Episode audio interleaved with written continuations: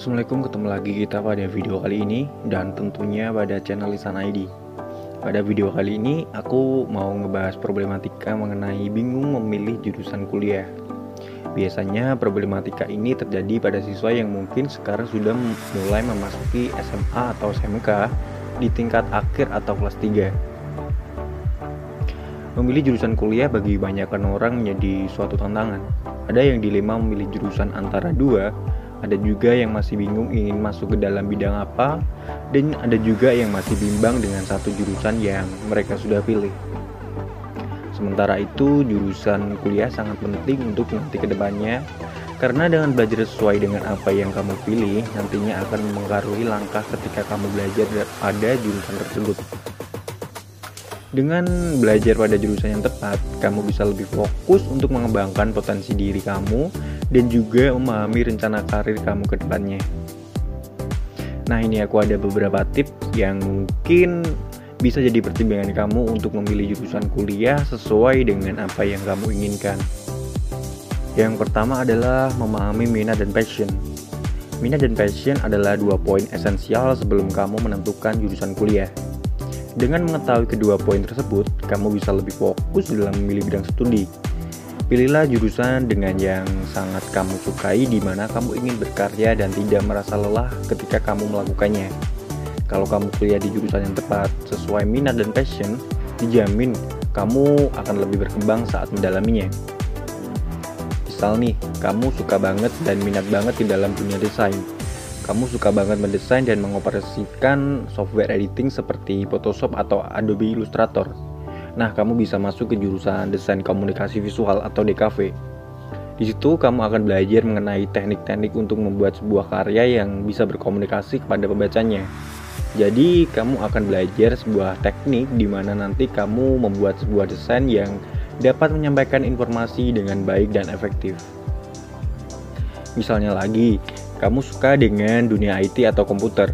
Setiap hari kamu kayak belajar tentang jaringan dan coding atau sistem-sistem komputer. Nah, ketika kamu menyukai tentang komputer atau IT, kamu bisa masuk ke jurusan teknik informatika, ilmu komputer, sistem informasi, atau jurusan yang sesuai dengan apa yang kamu minati pada dunia IT dan komputer. Misalnya lagi nih, kamu suka bahasa Inggris dan di sisi lain kamu suka mengajar bahasa Inggris. Nah, kamu bisa aja masuk ke sastra Inggris untuk belajar dan mendalami ilmu bahasa Inggris uh, agar kamu jago dan mahir dalam bahasa Inggris. Kamu juga bisa masuk ke jurusan guru bahasa Inggris dan kamu nanti dapat menjadi seorang guru bahasa Inggris. Saat kamu memilih bidang studi sesuai dengan apa yang kamu minati dan geluti, dijamin ke depannya kamu akan menemukan uh, tidak menemukan banyak masalah saat kamu sedang belajar pada jurusan tersebut. Itulah sebabnya kita perlu tahu minat dan passion yang kita miliki dan pengetahuan inilah yang dapat membantu kita menentukan jurusan kuliah. Pemahaman yang baik akan diri sendiri yang membuat kita bertahan menghadapi tantangan saat belajar tentang ilmu dan skill saat kita masuk ke dunia perkuliahan. Yang kedua adalah melakukan riset jurusan. Dalam memilih sebuah jurusan, pastikan kamu tahu secara jelas apa saja yang akan kamu hadapi saat uh, di perkuliahan nanti. Kalau kamu sudah siap dengan hal tersebut, kamu pasti mampu menerima konsekuensinya. Sebagai contoh, kamu mengambil jurusan Animal Husbandry, di mana kamu pasti akan menemui kegiatan yang melibatkan kontak dengan berbagai binatang, ataupun medical atau ilmu medis, di mana kamu akan menjalani kegiatan praktik yang pastinya berbau dengan medis. Poin ini sangat penting karena dengan mengetahui konsekuensinya, kamu akan lebih siap dalam menerima apa pun pembelajaran yang akan diberikan nantinya. Selain itu, kamu juga bisa memikirkan keuntungan yang bisa kamu dapatkan dengan memasuki jurusan tersebut. Dengan begitu, kamu bisa semakin termotivasi dalam memilih jurusan kuliah. Ketika kamu tahu apa yang akan uh, kamu pelajari sesuai dengan jurusan yang kamu pilih, nanti kamu akan siap menghadapi setiap masalah yang ada ketika kamu belajar pada bidang studi tersebut. Karena kamu sudah melakukan riset terlebih dahulu dan ketika kamu akan memilih jurusan tersebut, jadi gak ada deh kata-kata ngeluh kayak kayaknya gue salah jurusan deh. Ternyata jurusan ini materi dan prakteknya susah banget ya, kayak gitu. Jadi kamu akan lebih siap nantinya jika sudah melakukan riset jurusan kuliah. Dan yang ketiga adalah ketahui nilai kemampuan kamu di sekolah. Nah, kamu bisa nih cek periksa kembali nilai-nilai yang kamu dapatkan saat di sekolah. Nilai mata pelajaran manakah yang mendapatkan nilai paling baik dan juga selalu meningkat. Cara ini juga berguna untuk menentukan program studi yang berkaitan dengan nilai tersebut. Misalnya nilai yang paling baik adalah matematika. Kamu bisa memilih jurusan uh, kuliah yaitu matematika ataupun yang masih berhubungan misal lagi kamu nggak jago dalam nilai akademik tapi kamu jago dalam non akademik kamu jago dalam olahraga dan nilai olahraga kamu selalu baik. Kamu bisa masuk ke jurusan guru olahraga sesuai dengan nilai rapot kamu di sekolah. Dan yang terakhir yang keempat adalah berkonsultasi pada orang terdekat. Agar tidak terpengaruh dengan hal lain kamu bisa berkonsultasi dengan orang tua ataupun yang lebih berpengalaman.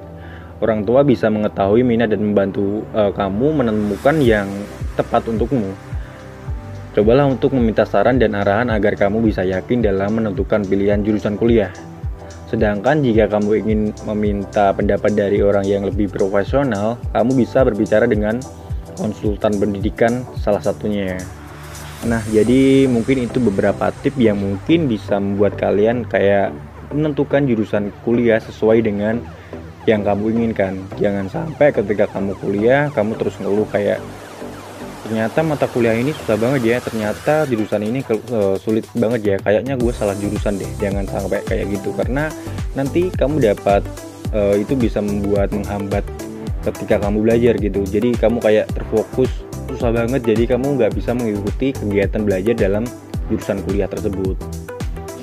Ya mungkin itu dulu video kali ini. Dan silahkan subscribe dan like jika kalian suka dengan video ini dan sampai jumpa di video selanjutnya. Halo assalamualaikum ketemu lagi pada video kali ini dan tentunya pada channel Isan ID.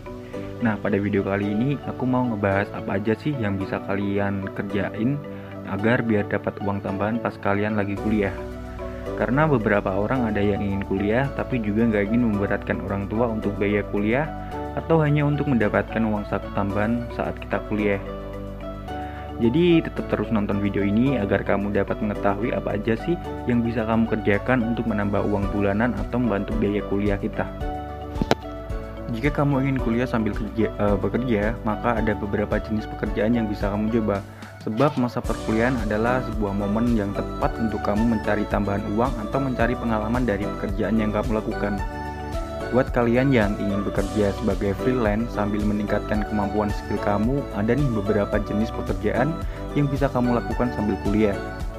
Selain itu, eh, bisa mendapatkan uang dan menambah kreativitas skill kita, kamu juga bisa lebih jadi mandiri.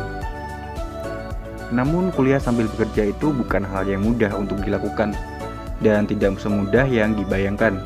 Hal ini karena kamu juga butuh waktu yang lenggang dan juga tenaga yang lebih untuk bekerja sambil kuliah. Jadi jangan sampai kerjaan freelance kamu nantinya akan mengganggu jam perkuliahan kamu.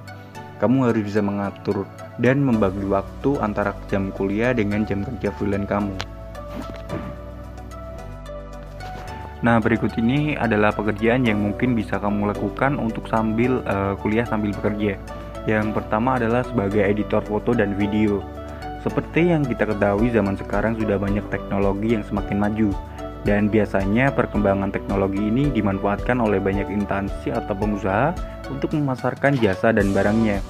Salah satu yang biasa digunakan adalah melalui media internet dan juga sosial media.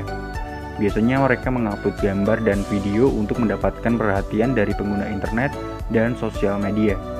Biasanya mereka membutuhkan tenaga pekerja lepas untuk membuatkan sebuah konten yang menarik untuk diupload di sosial media mereka. Jadi ini bisa kamu manfaatkan untuk menjual jasa kamu sebagai editor video dan foto. Kamu bisa memasang tarif sesuai dengan skill dan kemampuan kamu. Jika kamu punya skill yang baik, maka pastinya tarif kamu juga akan semakin tinggi. Selain bisa kamu lakukan saat tidak ada perkuliahan atau di waktu senggang, freelance ini juga bisa dapat mengasah skill kamu dalam dunia editing. Bisa jadi malah nanti ketika kamu lulus uh, kuliah, pekerjaan freelance kamu ini malah jadi pekerjaan utama kamu. Aku dulu pas kuliah juga ngerjain freelance ini karena nggak butuh waktu yang banyak dan tenaga yang lebih. Aku bisa kerjain saat uh, menunggu waktu jam kuliah, uh, sehingga tidak mengganggu jam saat perkuliahanku dilakukan. Tapi ini juga membutuhkan spek laptop yang harus mumpuni. Seenggaknya kalian harus punya laptop dengan spek RAM 4 ke atas dan juga minimal Core i3. Jadi kalian harus modal punya laptop dulu guys untuk menjadi seorang freelancer sebagai editor dan ya, editor video dan editor foto. Nah, yang kedua adalah sebagai videografer dan fotografer. Jadi di yang pertama tadi adalah seorang editor video dan foto, sekarang sebagai videografer dan fotografernya. Sekarang banyak banget anak muda yang suka membuat video dan juga suka motret. Jadi skill ini bisa kalian gunain untuk menambahkan uang kalian saat kuliah dengan menawarkan jasa kalian sebagai videografer dan juga fotografer.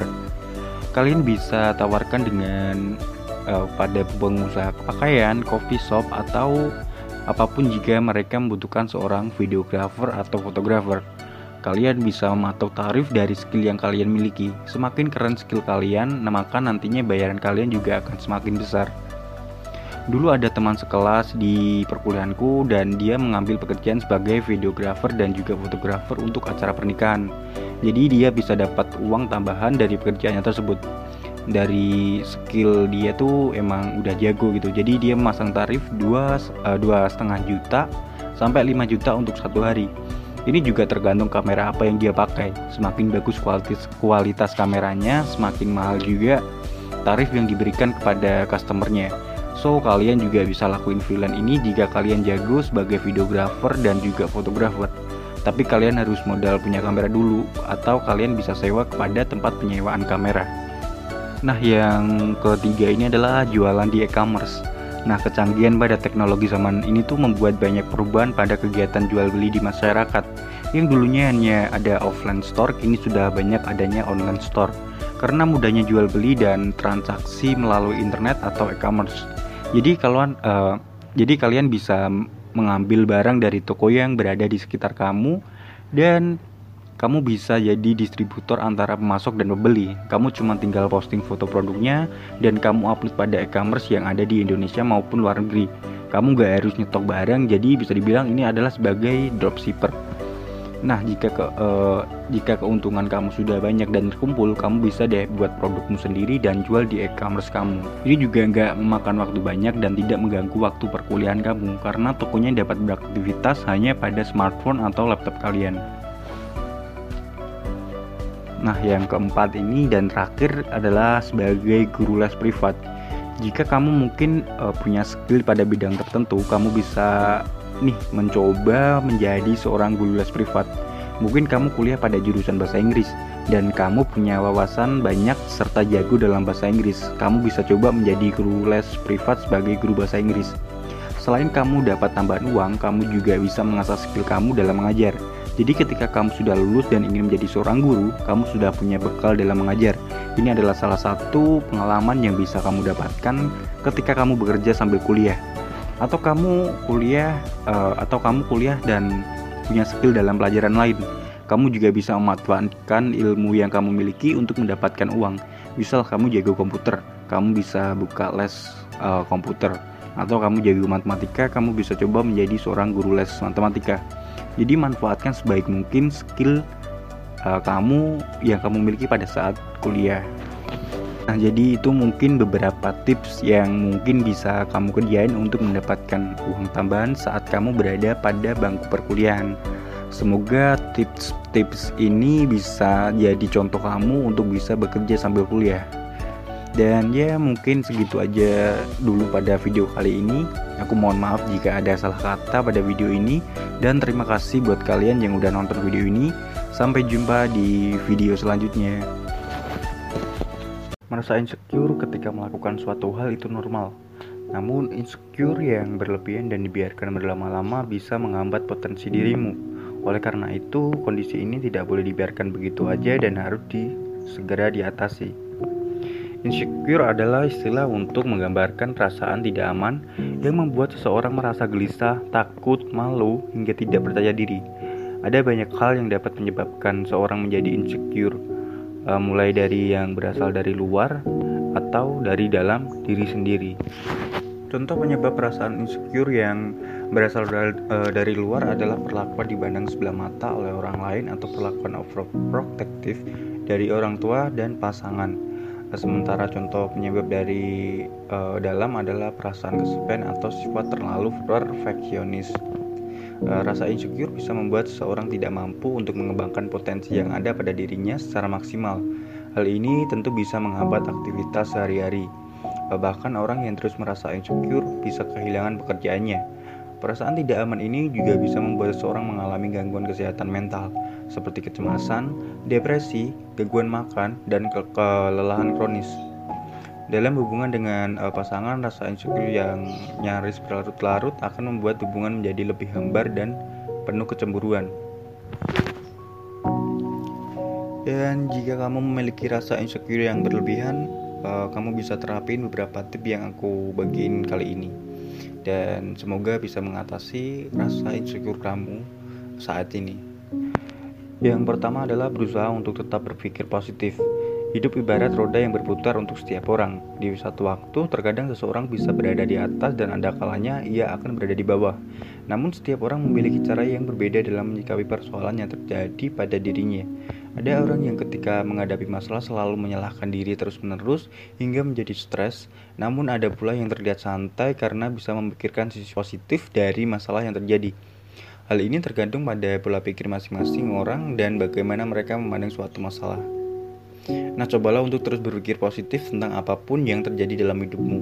Dengan begitu, kamu bisa menyelamatkan diri di, uh, diri kamu sendiri dari perasaan-perasaan negatif seperti rasa khawatir, rasa bersalah, rasa takut, dan uh, yang bisa menguras energi.